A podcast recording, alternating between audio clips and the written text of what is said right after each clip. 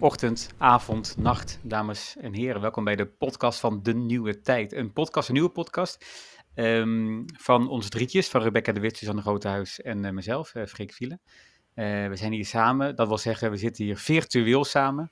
Suzanne Groothuis zit in, de, in het kopieerhok van De Nieuwe Tijd in de Sint-Paulusstraat.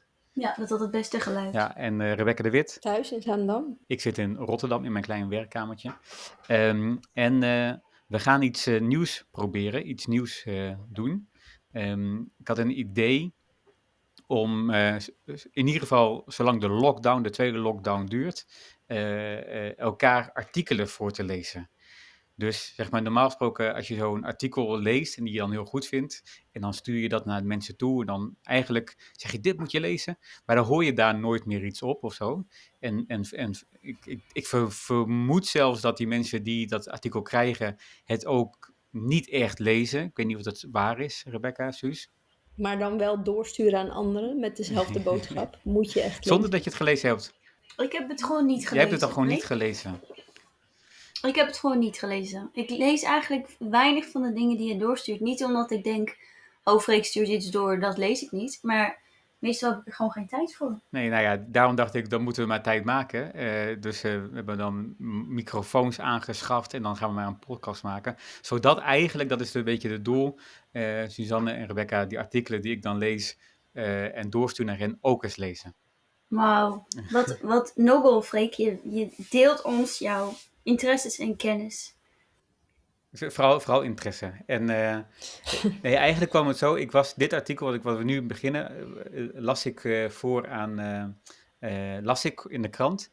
En, um, en toen lag ik nog in bed en toen las ik het voor aan, aan mijn vriendin, aan Margot. En dat was eigenlijk heel leuk, omdat eigenlijk ontstond er, zeg maar, door, bij, door het, het voor te lezen, ontstonden er allemaal gesprekken.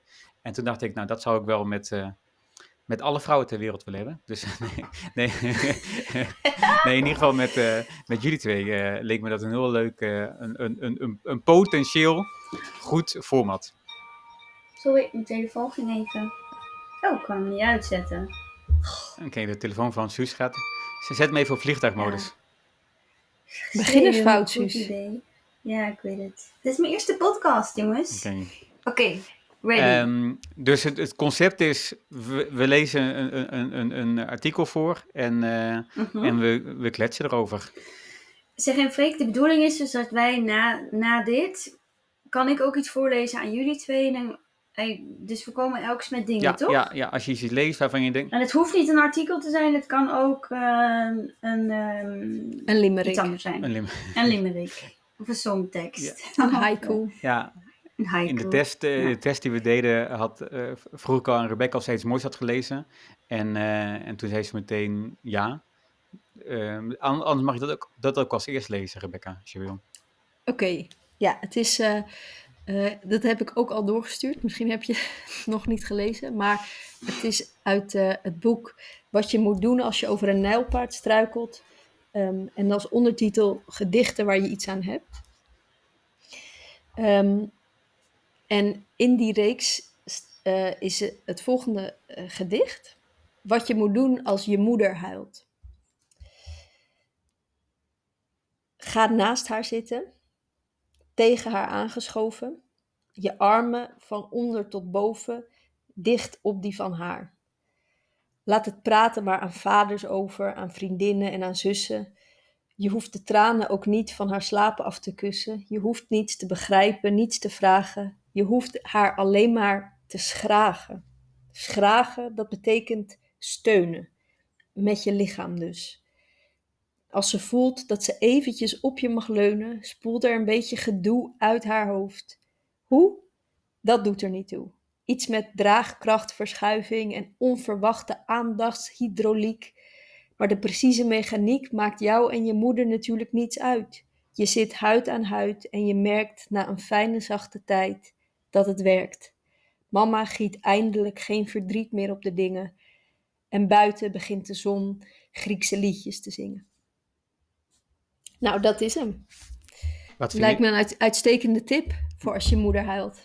Wat, wat, wat, wat vind je er zo mooi aan? Ja, ik vind dat beeld, dat beeld uh, dus dat je je moeder moet schragen, vind ik heel mooi. Dus de- als, ehm, ik zie daar dan natuurlijk een tafel bij of zo. Of dat zeg maar, dat je, dat je dan graag kunt zijn voor een ander. En ehm, ehm, dat het, wat ik heel mooi vind, is dat het, dat het eh, best wel emotioneel volwassen is in een, bepa in, een, in een soort kindertaal. Terwijl het ook niet echt kindertaal is. Ehm, eh, ik vond het zelf best wel een, goede tip. Dat je dus ja, aan sommige mensen moet je het praten overlaten en aan andere mensen het schragen. En, en dat, dat, ehm, dat beeld van dat ze dus geen verdriet meer giet op de dingen, dat vond ik ook wel herkenbaar. Als je verdrietig bent, wordt alles verdrietig. Alsof dat een soort saus is die je over alle dingen heen eh, gooit of zo. Ehm, ik heb soms wel eens in mijn hoofd, als ik, als ik heel verdrietig ben of zo, dan lijkt het wel alsof er een soort papierversnipperaar in mijn hoofd zit. Waarbij alles wat mooi is, gaat er dan door. En dan maak ik alles zeg maar kapot met die papierversnipperaar in mijn hoofd. Daar moest ik ook een beetje aan denken. Ik, ik moet denken, die, die, die ondertitel van dat boek, eh, Gedichten waar je iets aan hebt. Eh, lezen jullie over het algemeen dingen omdat je er iets aan kunt hebben?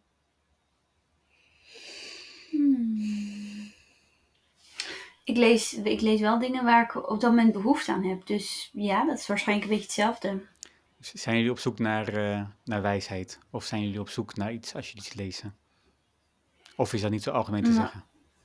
Nou, ik zit nog steeds in mijn zesdelige oertijdroman. Niet per se om- op zoek naar wijsheid, maar ik vind het leuk om, eh, om da- in die wereld te zitten aan het einde van de dag. Ik weet eigenlijk helemaal niet, hoe, hoe fanatiek volgen jullie het nieuws? Zeg maar, lezen jullie elke dag de krant? Elke dag eh, eh, nos.nl, vrt.be? Ik lees elke dag wel een artikel, één à twee artikelen. Maar niet de krant. Niet in, niet in het Eh. algemeen, maar iets wat je, je aandacht eh, eh, ge- getrokken heeft. Nee, precies. En ik merk ook dat ik ook toch altijd wel de economiepagina zo oversla. Dus, dus in die zin ben ik wel ehm, een ehm, ja, geprivilegeerde lezer, zeg maar. Wat bedoel je daarmee? Mag ik gewoon lezen wat ik gezellig vind of zo. En kan ik het me blijkbaar permitteren om niet op de hoogte te zijn. En jij, Suus, lees jij of heb je gewoon geen tijd meer? Mm, nee, ik lees geen krant. Eh, ik kijk elke avond. Toevallig ligt eh, mijn kind altijd in bed precies op het moment dat het journaal begint. Dus meestal kijk ik dat even.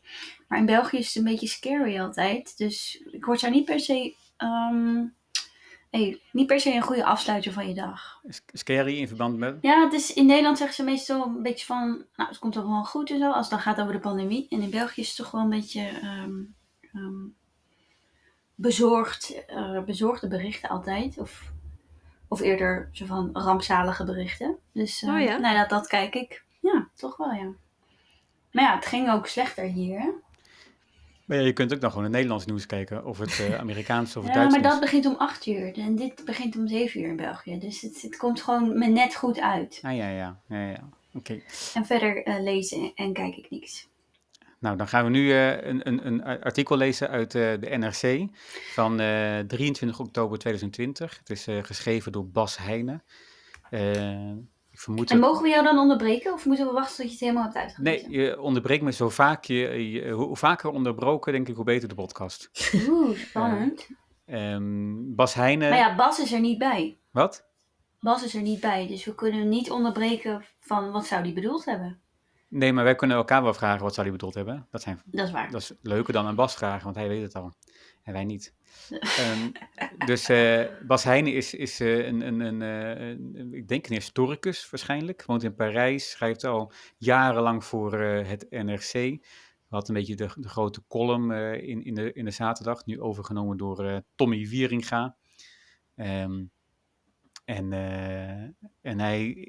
Maar, helemaal echt, Dit maar- zijn overigens wel natuurlijk allemaal Nederlandse... Moeten we dat dan nog duiden voor de Belgische luisteraars? Of is dat niet zo belangrijk? de NRC? Nee, Nee, maar ik bedoel, die, als je zo gaat name droppen van schrijvers en columnisten en zo, dat zijn dan natuurlijk Nou, allemaal Nederlanders. eh, Tommy Wieringa vermoed ik dat mensen kennen. En anders moeten ze Ja. even googlen. En eh, Ja. Bas Heijnen, dat, dat legt ik uit te leggen, is dus een, Ja, eh, een Nederlandse journalist, essayist. eh, ehm, een aantal hele goede essays geschreven. En hij interviewt hier de Duitse socioloog Hartmut Rosa. De titel van het interview is ehm, Socioloog Hartmoed Rosa, dubbele punt, we willen een goed leven, maar jagen alleen naar wat meetbaar is. Dus optimalisatie van je lichaam, je productiviteit, dat is wat ons hele leven, zegt de Duitse socioloog Hartmut Rosa. Tegelijk bezorgen de dingen die we niet kunnen beheersen ons een groeiend gevoel van machteloosheid. En dan gaat hij verder met praten. Corona, zegt hij, verstoort de verhouding met onze omgeving. We kunnen het virus niet zien of voelen. Er zit iets in de lucht dat ons bedreigt. Zelfs ademen is gevaarlijk. We moeten mondkapjes dragen. Medisch en politiek krijgen we er geen greep op. Andere mensen vormen een potentieel risico. Je kunt dat alles symbolisch zien voor onze laatmoderne levensgevoel. Iets voelt niet goed, maar we kunnen er onze vinger niet op leggen. Dat is een citaat van, uh, van Rosa. Hoe verhouden we ons met de wereld om ons heen? Dat is de inzet van het werk van Hartmut Rosa uit 1965, gevierd Duits socioloog. Anders dan veel van zijn collega's richt zijn kritiek op de neoliberale orde zich niet in de eerste plaats op de groeiende ongelijkheid, die er het gevolg van is, maar op de frustratie en woede van het nooit genoeg. Onze obsessie met groei, acceleratie en voortdurende innovatie, stelt hij, verhindert dat we ooit krijgen waar we naar verlangen. Ik spreek Rosa via een videoverbinding met de Universiteit van Jena, waar hij doseert. Hij spreekt snel, vult zichzelf aan en stelt tegenvragen. Wat hem heeft verbaasd aan de reactie op de pandemie, zegt hij, is dat zoveel maatregelen werden genomen die daarvoor voor onmogelijk werden gehouden. We hebben het sociale leven grotendeels stilgelegd. Vliegtuigen werden aan de grond gehouden, het autoverkeer met de helft teruggebracht. Waarom kon er ineens wel zoveel? Plotseling waren we bereid de hele boel plat te leggen, tot aan de voetbalcompetitie toe. Men wil het virus onder controle krijgen. Dat is het. Kosten wat kost. Een andere, extreme reactie is om wat niet beheersbaar is, domweg te ontkennen, weg te wensen of de oorzaak te zoeken in complottheorieën. En dan vraagt Bas Heijnen, die drang om de wereld naar onze hand te zetten, te domineren, ziet u als de grondtoon van de moderne tijd. Ja, de moderniteit stoelt op het idee dat we onze omgeving volledig in onze macht kunnen krijgen, ook de natuur. Het is niet een koning of de kerk, niet de natuur of onze geschiedenis die bepalen hoe je moet leven. Dat doe je zelf. Zoals je in je smart home alles regelt met de afstandsbediening. Je bent autonoom en soeverein. Tegelijk bezorgen de dingen die we niet kunnen beheersen ons een groeiend gevoel van machteloosheid. De democratie belooft ons dat we de samenleving kunnen vormgeven, maar wat overheerst is het gevoel dat we machteloos staan tegenover ongelijkheid, klimaatverandering. Ik moest hierbij trouwens denken aan die zin uit, uh, nu uit de Seychelles, maar ook al uit Zo gaat het in Heimat 2. Uh, was die ook weer back? een hoopje individuen die zich verantwoordelijk voelt voor alles. Ja, maar invloed heeft op niks. Dus verantwoordelijk zijn voor alles.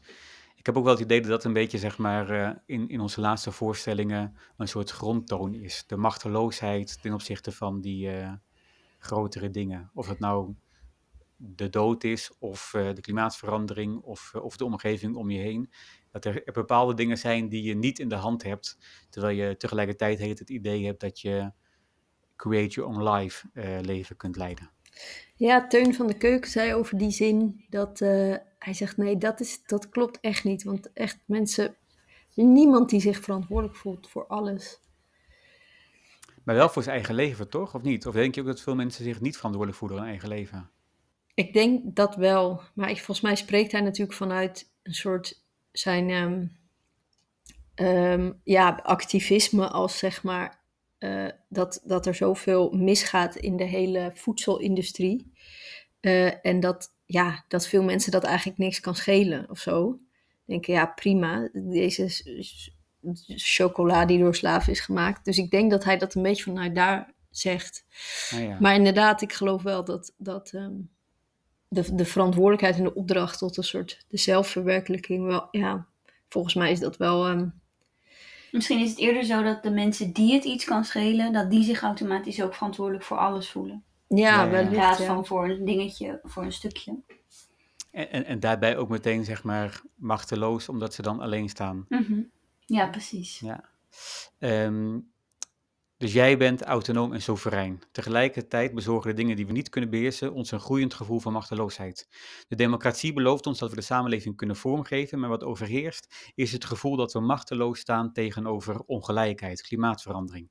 We bewegen voortdurend tussen het verlangen naar almacht en een gevoel van totale machteloosheid. Ik heb het Dat- gevoel dat, dat de democratie helemaal niet belooft dat we de samenleving kunnen vormgeven. Of zeg maar eerder, eh, ja, voor zover de democratie iets kan beloven, maar dat het toch, eh, dat was toch ook een beetje de conclusie, of zeg maar de premisse uit het boek van Thijs Leister, dat, dat de samenleving is niet meer maakbaar, want die is uitbesteed aan de markt.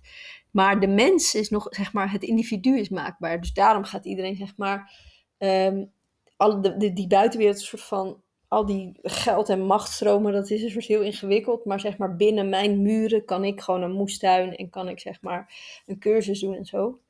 Ehm, ik heb het gevoel dat juist doordat, doordat mm, nou laat ik voor mezelf spreken, ik, ik heb helemaal niet het gevoel dat ik de samenleving mee kan vormgeven.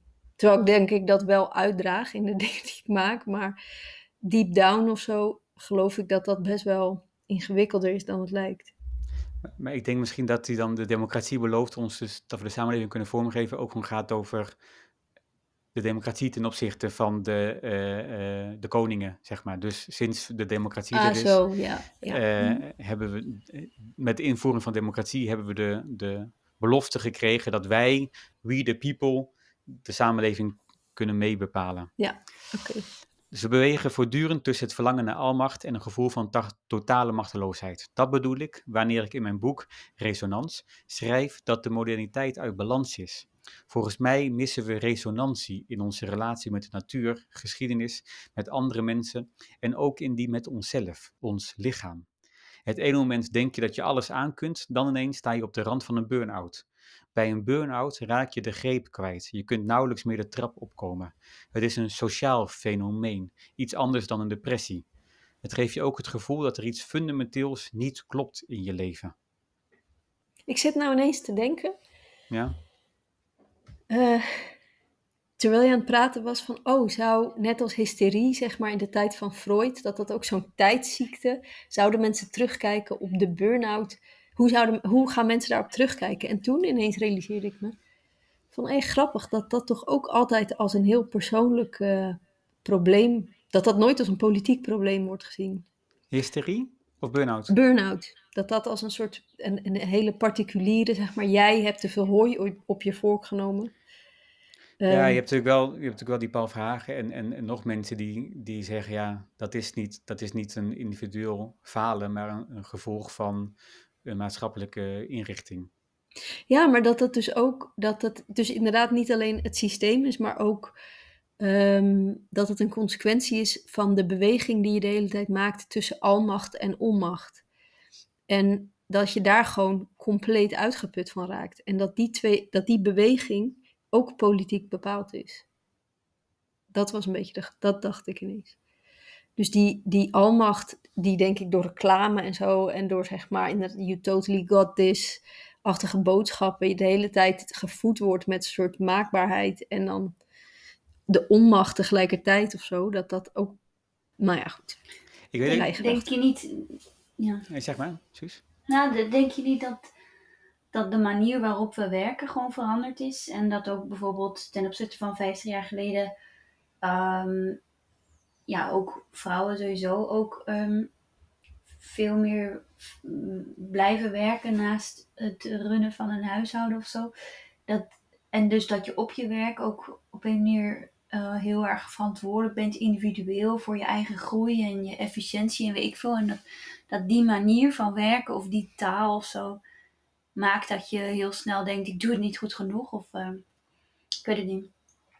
Niet zozeer misschien het gevoel dat we geen macht eh, meer hebben over dingen, maar Ja, misschien gewoon, wellicht. misschien gewoon de, de soort jobs die we zijn gaan doen of zo. Nee, zeker. Er zit natuurlijk ook door met de hele burn-out heeft natuurlijk te maken met een, eh, eh, eh, een, een, een economische realiteit en eh, Mhm. korte contracten, het wegvallen van, eh, van, van, van zekerheid en zo. Ja. Maar er zit natuurlijk ook iets in wat ik wel. Want je hebt het nu over almacht versus eh, het idee van almachtig te zijn en het idee van eh, onmachtig te zijn. Maar misschien heeft het ook wel te maken met het feit dat we veel weten en tegelijkertijd weinig kunnen of zo. Dus het idee dat je wel kunt zien hoe er op heel veel wat er misgaat, veel meer dan vroeger wellicht. Mhm. en tegelijkertijd, Ja, meer informatie, meer prikkels, dat je de Ja. hele wereld ja, ja, Dus- kunt zien of zo. we weten zeg maar dat er een brand is in, eh, in, in Australië of in eh, Californië of in de Amazone. Maar eh, tegelijkertijd, Zeg maar, los van de onderbrekingen die goed zijn voor de podcast, ben ik even kwijt wat je aan het zeggen was in het artikel. Dus dit, burn-outs zijn ook een, tijdsbeeld ja. Ja. of zo, toch? Dus hij zegt, volgens mij missen we de resonantie, missen we resonantie in onze relatie met de natuur, met de geschiedenis, met andere mensen en ook in die met onszelf, ons lichaam. Het ene moment denk je dat je alles aan kunt, Ja. dan ineens sta je op de rand van een burn-out. Bij een burn-out raak je de greep kwijt. Je kunt nauwelijks meer de trap opkomen. Het is een sociaal fenomeen. Iets anders dan een depressie. Het geeft je ook het gevoel dat er iets fundamenteels niet klopt in je leven. En Ja. dan vraagt Bas Heijnen, in uw meest recente boek, Onvervoegbaarheid. Ehm, ik heb geen idee wat dat betekent, onvervoegbaarheid. Had ik even op moeten zoeken. Eh, onvervoegbaarheid. Ja. On- Eh, we komen er achter waarschijnlijk. Richt u zich tegen dat verlangen om zoveel mogelijk permanent tot onze beschikking te hebben? Dat stomt af, beweert u. Hij antwoordt, volgens de filosoof Alasdair McIntyre, McIntyre geen idee ook, Alasdair Mhm. McIntyre, hebben we ons idee wat, van, wat, eh, van wat goed is, geprivatiseerd. Als een kind aan zijn ouders of leraar vraagt wat het met zijn leven moet doen, dan luidt het standaard antwoord: dat gaan wij je niet vertellen, dat moet je zelf uitvinden. Je mag zelf uitmaken of je een gezin wilt en wat voor gezin, of je kinderen wilt, waar je in gelooft, wat je wilt eten. We leven in een tijd van ethisch pluralisme. De filosoof John Rawls zegt dan: Oké, als er niet langer overeenstemming is over wat het goede is, dan kunnen we tenminste een aantal zaken vaststellen waarvan het beter is er meer van te hebben dan minder. Hm. Of je nou dokter wil worden of pianist of wat dan ook, het is altijd beter om voldoende geld te hebben dan te weinig. Een goede gezondheid in plaats van een slechte gezondheid. Beter om goed contact met mensen in je omgeving te hebben dan slecht of helemaal geen contact. Dat zijn basisgoederen, als het ware, volgens John Rawls. Ik ben van mening dat we die basisgoederen steeds meer als het goede leven zelf zijn gaan zien, terwijl het middelen zijn, niet het doel zelf. In onze samenleving gaat het niet over wat goed leven is, maar om het verwerven van zoveel mogelijk kapitaal. Niet alleen geld, maar ook cultureel en sociaal kapitaal. En lichamelijk kapitaal. Het verlangen om afgetraind en slank te zijn, er goed uit te zien. We kunnen dat kapitaal in kaart brengen en vergelijken. En de conclusie is dan dat mensen met het minste kapitaal het slechtste leven hebben. Dit vond ik wel super interessant. Dus dat je zeg maar. Dus do- doordat we niet weten wat het goede leven is, we daarna zeg maar zijn gaan kijken naar van oké, eh, we kunnen tenminste zeggen dat, dat het beter is om bepaalde dingen meer te hebben dan minder. En vervolgens zegt hij dus, die Rosa, dat we, dat, dat we die middelen om te kijken naar wat goed leven is, als doel zijn gaan zien. Dus zoveel mogelijk vrienden hebben, of zo goed mogelijke vrienden hebben, zoveel mogelijk toffe dingen meemaken, reizen zien, eh, eh, bijzondere eh, momenten mee hebben, geld hebben, slank zijn. Maar bedoelt hij dan dat er, dus, dat er eigenlijk niet zoiets is als een goed leven wat je kunt meten? Nou, ik denk dat we dat. Eh, ik denk sowieso niet dat het goede leven niet te meten is, maar dat hij dat, dat bedoelt. Maar dat we inderdaad, doordat we die vraag niet meer kunnen beantwoorden, we dan maar het, het middel waarvan we denken dat dat zou kunnen leiden tot een goed leven, eh, dat we Mhm. dat als doel zijn gaan zien. Herkennen jullie dat? Of eh, wat denken jullie? Nou, ik, de- ik, ja, ik denk dat dat, dat, dat ehm, eh, waar is of zo. Dat zeg maar in ieder geval in een soort Instagram-realiteit, dat dat een soort ehm, manier is om zeg maar eh, dat mensen zich graag daarop laten voorstaan of zich zo zouden willen representeren. Ehm, ik weet niet of ik dat per se in mijn eigen leven zo bewust als doel nastreef. Maar ik, ja, wel als mensen zeg maar.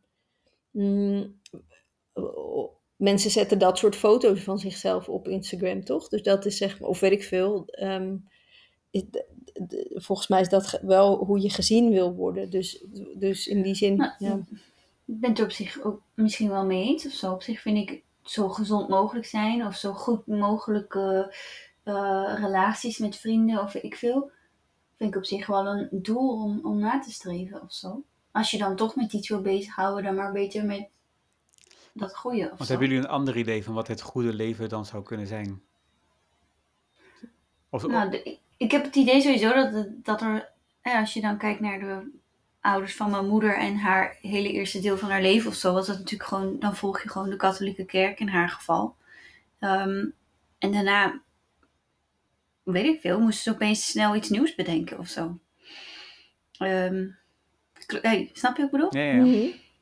Mm, maar op zich, ja, eh, liefde, gezondheid, mm, lijken me wel twee goede. Ja, ik denk, ik, maar ik denk dat het eh, hier ook gaat over, over wat je zegt, zo gezond mogelijk, zo, zoveel vrienden mogelijk. Of zeg maar, ja. dat, dat daar zeg maar de, de, de crux zit in zijn, eh, in zijn denken. Het verzamelen van of zo. Ja, het verzamelen en, en proberen dat ook te efficiënt, efficiënt te maken. En, en, en eh, Ja. ik denk, hij, hij- hij gaat verder. Eh, ik ga hier zeker niet ongelijkheid in onze maatschappij goed praten, maar ik vind het arrogant om te stellen dat iemand die over minder kapitaal beschikt, automatisch een minder goed leven zou hebben. Er zijn ook andere redenen waarom iemand gelukkig kan zijn.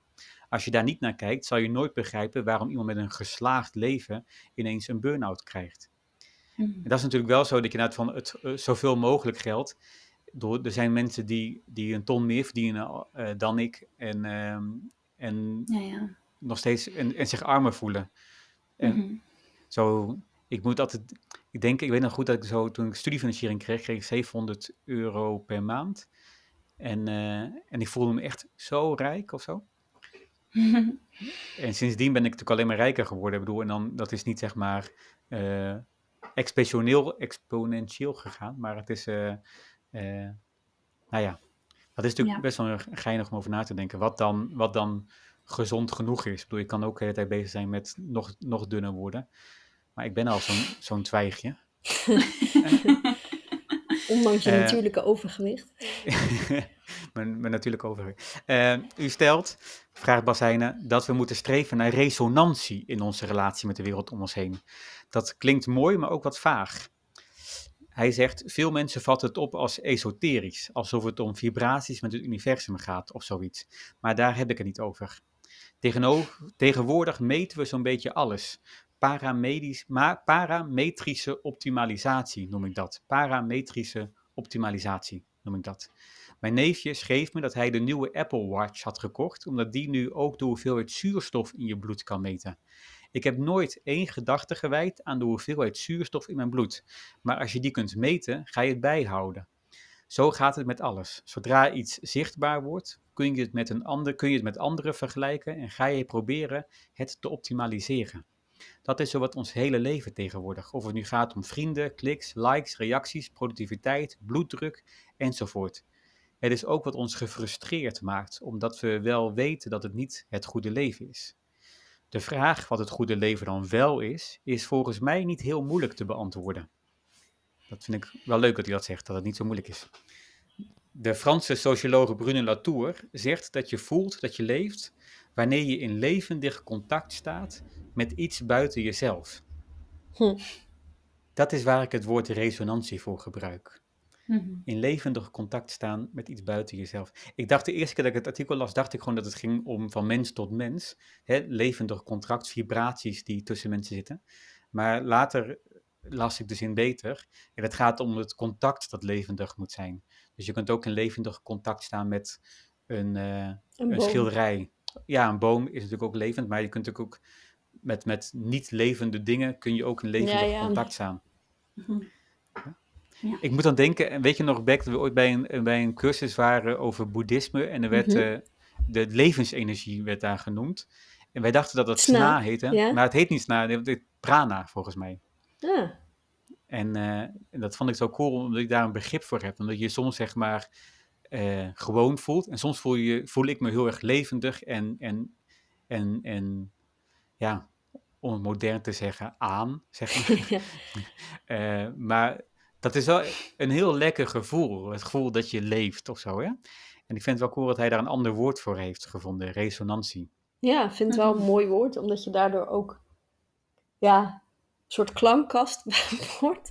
Die dus Ja. dat je kunt resoneren met de dingen om je heen. Ja, Ik denk dat iedereen wel weet waar, wat dat is en er ook naar verlangt. Kijk maar naar- kijk maar naar een willekeurig reclamespotje. Altijd wordt er, via, via het aangeprezen product, resonantie beloofd met iets of iemand. Vriendschap, affectie, liefde, genot. En dan zegt hij, Bas Heijnen zegt dan, als we er zo naar verlangen, waarom kiezen we dan toch steeds voor het optimaliseren van ons kapitaal? Hij antwoordt, omdat resonantie riskant is omdat je je openstelt voor iets dat je, je niet, dat je niet kunt beheersen. Ons verlangen dingen te exploiteren staat haaks op, de op het mogelijk maken van resonantie. Het mogelijk maken van resonantie. Allereerst moet je je voelen dat iets je aanspreekt, je aandacht trekt, fascinatie oproept. Je kunt het niet even afvinken. Je wordt door iets gegrepen. Een persoon, een film, een beeld, een onderwerp waar je je in verdiept. Iets breekt door het harnas van parametrische optimalisatie heen.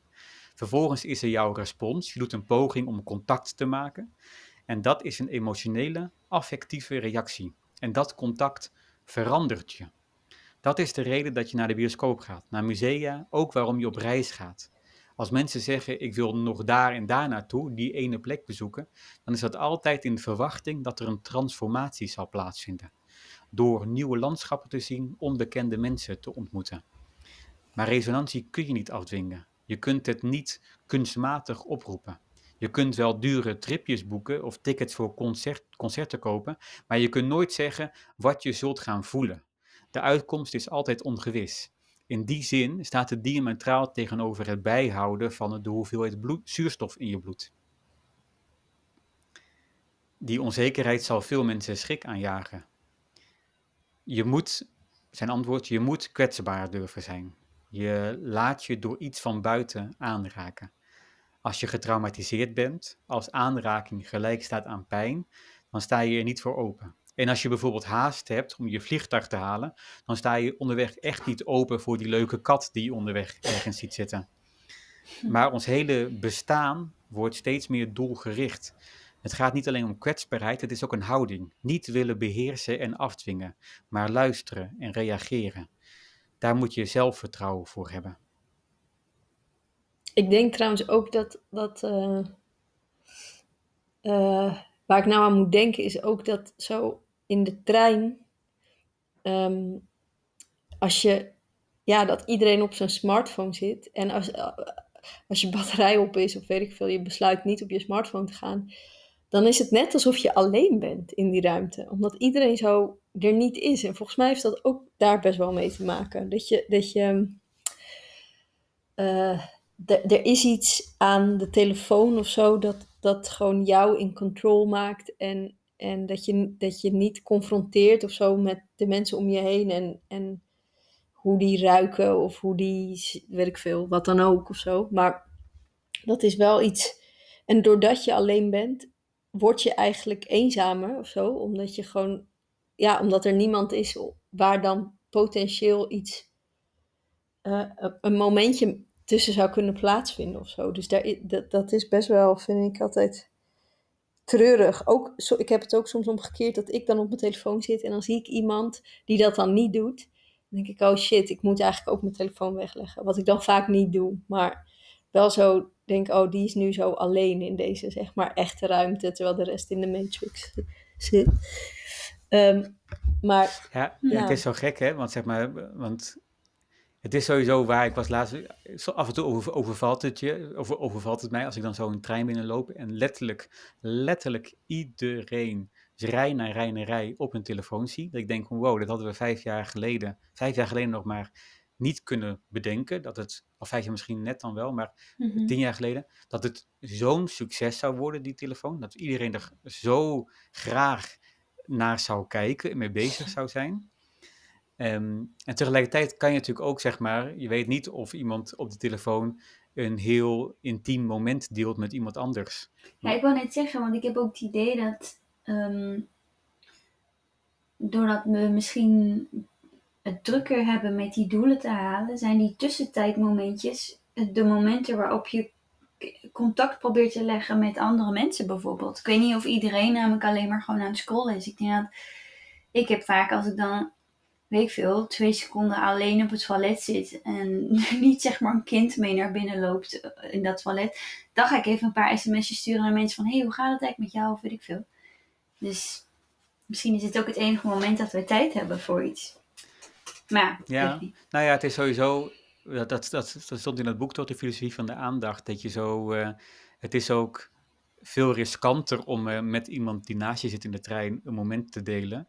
Want je weet niet, Mm. misschien is het wel, gaat hij wel na, na vijf zinnen zeggen eh, dat hij voor Feyenoord is of zo. Of, eh, Dat hij Of voor voor hem stemt. of dat Dat is wel heel riskant, ja. dat hij Forum voor Democratie stemt of zo. Eh, terwijl, of weet ik veel wat dan ook, hè, zeg maar. eh, eh, of gewoon saai is, of weet ik veel. Je in, in, in je telefoon zitten er gewoon massa's mensen Die leuk Met- zijn. met- Mhm. die leuk zijn, met wie je gewoon weet Mhm. en die je eigenlijk ook al te weinig ziet en zo, met wie je gewoon heel graag wil resoneren. Dus het is, het is de, maar ja, daarbij, daarbij wordt het natuurlijk wel een, een, een, een in zichzelf draaiend kringetje. Maar ik haal vaak Facebook en Instagram en zo van mijn telefoon af, waardoor ik weer een hele periode dan niks te doen heb op mijn telefoon. Ja, ja, ja. Ja. En dan ga ik hem ook niet pakken. En ook niet WhatsApp, want dat heb ik dan wel, dat ik in de trein zo Ja, zelfs niet eens aan het antwoorden ben, maar zo'n beetje van, nou, hoe zou het eigenlijk met die gaan? dan een bericht ja, ja. sturen. ja. Eh, ja. En dat ook echt leuk vind. Ik vind ook, dat is het kutte eraan. Of zeg maar niet het kutte, maar wel het lastige. Dat het zo, dat ik het Mhm. leuk vind om iemand zeg maar een foto te sturen van iets. Of zeg maar, want ook, ja, je hebt ook zeg, op een bepaalde manier contact met mensen die je anders niet zou hebben. Omdat je dan iets ziet op straat en denkt, hé, hey, daar had ik met die persoon altijd het hierover. Over. Ja, ja, ja. En dan Ja, kan je dan, ja, Of neem alleen, maar alleen, neem alleen al maar de, de, de groepsappen met je familie. ja, Zo. Mhm. Dat je dan, dat je op een veel makkelijker contact, zeg maar, hé, hey, eh, gefeliciteerd of zet hem op of zo. En dat je dat ook, dat je toch een soort samen bent met een groepje. klopt. Ja. Wow, mooi artikel. Is het eigenlijk uit of is het, komt Nee, nee, er komt nog, er komt nog één ding. Want, eh, want Bas Heijnen gaat dan door nog eh, over identiteit. Dus die kwetsbaarheid, waar hij het over heeft, eh, staat haaks op de behoefte aan identiteit. Identiteit geeft zekerheid. Het is een schild om de wereld mee tegemoet te treden. Dat is een, eh, een zin waar je er lang over kunt hebben. maar Dat gaan we niet doen, want we zijn al Mhm. 30 minuten Ja. bezig. Ehm, er heerst, zegt hij, Rosa, er heerst op dit moment overal frustratie, woede en haat. Waarom is dat? De standaardverklaring, en dit gaat dus over de, de, recht, eh, de rechtspopulisten. Eh, waarom Mhm. is dat? De standaardverklaring is dat er zoveel economische verliezers zijn. Maar de grootste slachtoffers van de neoliberale orde zijn niet degenen die in de politiek het luidst hun stem verheffen. Het leven is niet wat ik ervan gehoopt had, of wat ik ervan had verwacht. Daar gaat het volgens mij om. Waarop werd dan gehoopt, denk ik? Een wereld met bestaanszekerheid, waarin je niet het gevoel krijgt dat je niet goed genoeg bent, dat je de Hmm. ontwikkelingen niet kunt bijbenen. En het klopt dat die belofte niet is ingelost. Want we moeten alles op alles zetten om te houden wat we hebben, om te zorgen dat onze kinderen niet slechter af zijn dan wij. Ook was ons beloofd dat we, ook was ons beloofd dat we onze wereld mochten vormgeven, maar in werkelijkheid hebben we bar weinig in te brengen. Tijdens de Republikeinse Conventie in 2016 hield Trump een redenvoering waarin hij tegen de mensen die zich niet gehoord en gezien voelden zei: Ik ben jullie stem. Aan de ene kant beloofde hij resonantie, het gevoel weer gehoord te worden, maar hij zei niet: Ik geef jullie je stem terug. En van zulke politici moet je accepteren dat er maar één. En en van zulke politici moet je accepteren dat er maar één zuivere stem is: die van de identiteitspolitiek. Dat is geen resonantie. Om die, te om die te bewerkstelligen moet je als individu kunnen luisteren. Antwoorden met je eigen stem. Laten we dat maar even links liggen. Oké. Toch? Dat- niet helemaal duidelijk, maar goed, we gaan even verder. Ja, lees maar verder, want ja. Die neiging, eh, Bas Heijnen zegt, die neiging om alles te meten, om ons leven en de wereld in te kaderen. Misschien worden we er niet gelukkig van, verslavend is het wel. Hij antwoordt, ik geef meteen toe dat ik tijdens een bergwandeling ook steeds foto's met mijn telefoon wil maken. In musea laten we ons leiden door de audiogids. Die maakt resonantie mogelijk, want hij opent onze blik naar bijvoorbeeld een schilderij, maar kan ons er ook voor afsluiten, wanneer we niet meer op onze eigen blik vertrouwen. Dan wordt het een kwestie van afvinken. Zo, dat stil leven of meesterwerk heb ik gehad. Onze wereld wordt bij wijze van, streken, bij van spreken steeds meer begeleid door een audiogids die onze blik aanstuurt. Kijk hiernaar, let hierop. De vraag is natuurlijk of we daar ooit nog van loskomen en of we dat echt willen. Het is gemakkelijk verslaafd te raken aan die parametrische optimalisering. We scheppen weliswaar oases van resonantie. We nemen onze smartphone niet mee naar de slaapkamer, boeken vakanties in kloosters zonder wifi, maar tegelijkertijd maken we een fetish van bijvoorbeeld stappen tellen. De gedachte is dat veel stappen zetten goed is voor je conditie.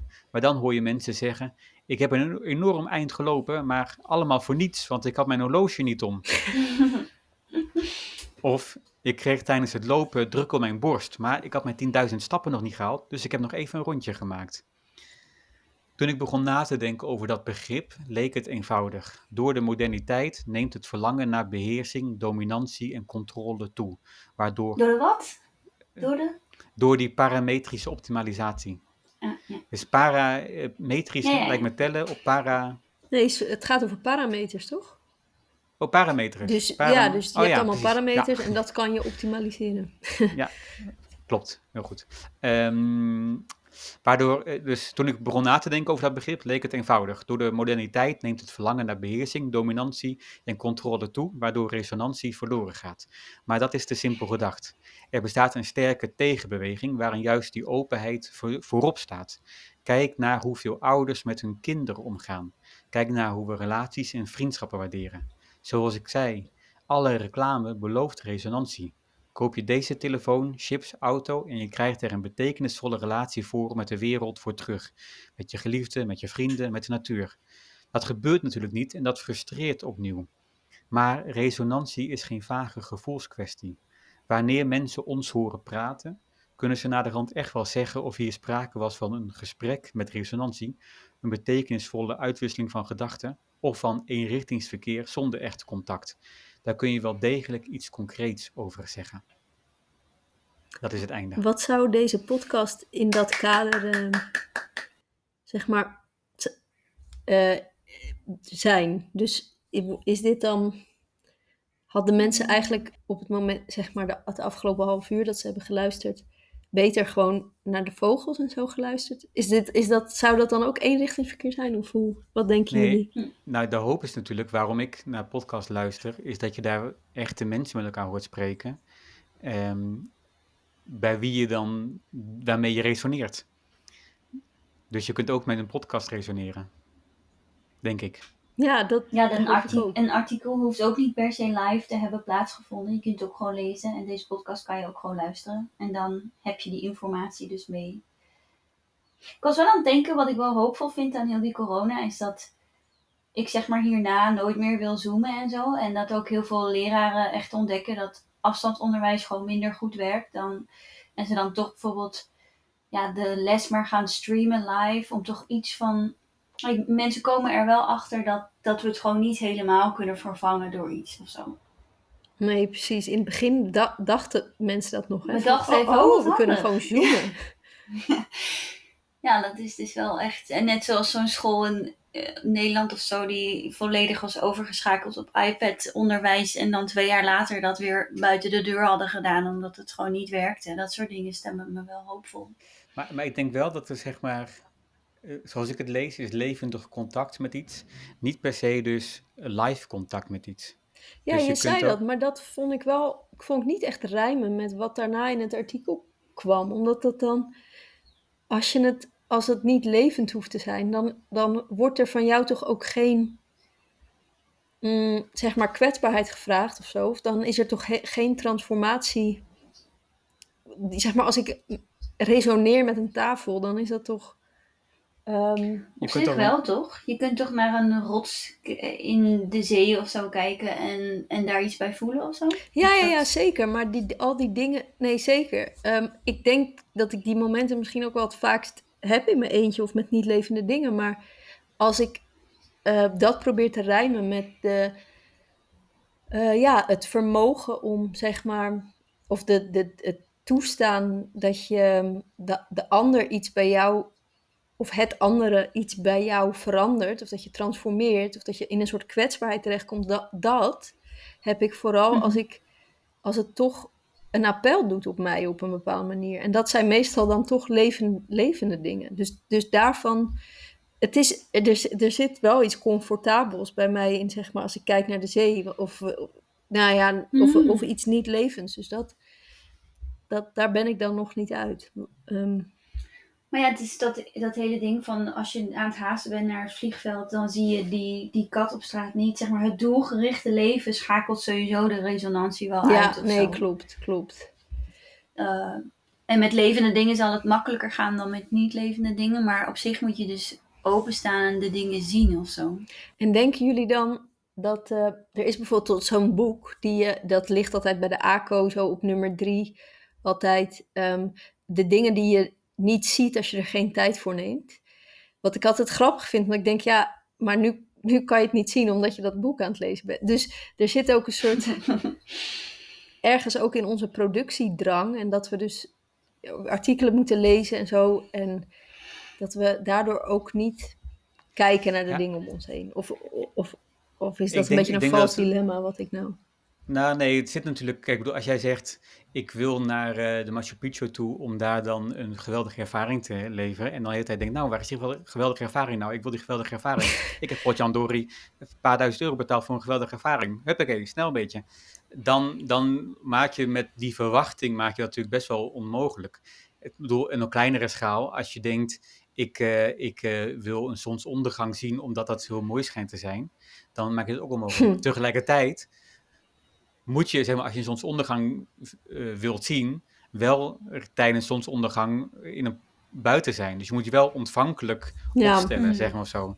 Of een romantisch diner of een date. Je moet wel zeg maar de tijd maken om, om ontvankelijk te zijn voor de romantiek. Maar als je zeg maar de romantiek gaat plannen, daar zit denk ik een Nee, hele ja. verschil.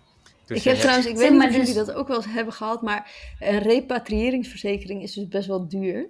Dat je dus als je doodgaat in het buitenland om dan zeg maar gerepatrieerd te worden. En, en zo duur dat ik wel eens dacht, oh zonde eigenlijk als ik nou niet doodga. Maar.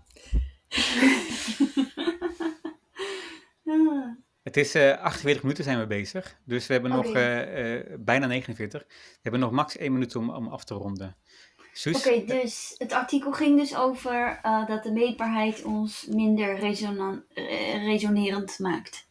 Ja, min- Toch? Ja, Ja, oké. Ga ik even over nadenken. Ik heb wel trouwens echt zo een tijdje met slaapapps ook geslapen. Dat je dan kon zien, s ochtends, hoe goed je geslapen had. En dat je dan op de app ging kijken of je goed geslapen had of niet. Ja.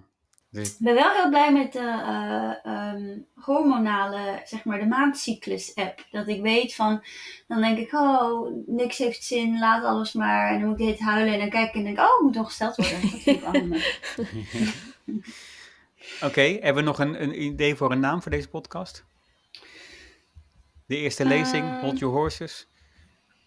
Goh, ik ga er even over nadenken. Ja, ik- Kletsen met Freek vind ik ook toch wel een goeie. Oké, misschien moeten we vragen aan de luisteraars. Dus beste luisteraar, mocht u een idee hebben voor de naam voor deze podcast, dan, eh, dan kunt u dat eh, op onze Facebook zetten of laten Op weten. Kletskast De klets- ik ook nog. Kletskast. Kletskast. Of een mailen naar uh, freek.denieuwetijd.be. Dus dat is de nieuwe BP. .be. Het is En, eh, eh, eh, pseudoniem. Als, we- als u eh, jouw naam uitkiezen, dan mag je een heel jaar lang gratis naar de maandagavond. Ja, echt waar. Of Ehm, in het copycat. Wat? in het koppie. Oké, we gaan erover In het nadenken. Koppiekot. Dames en heren, dankjewel voor het luisteren. En we zien jullie eh, volgende week weer eh, terug, waarschijnlijk. De groetjes. Doei! Doei.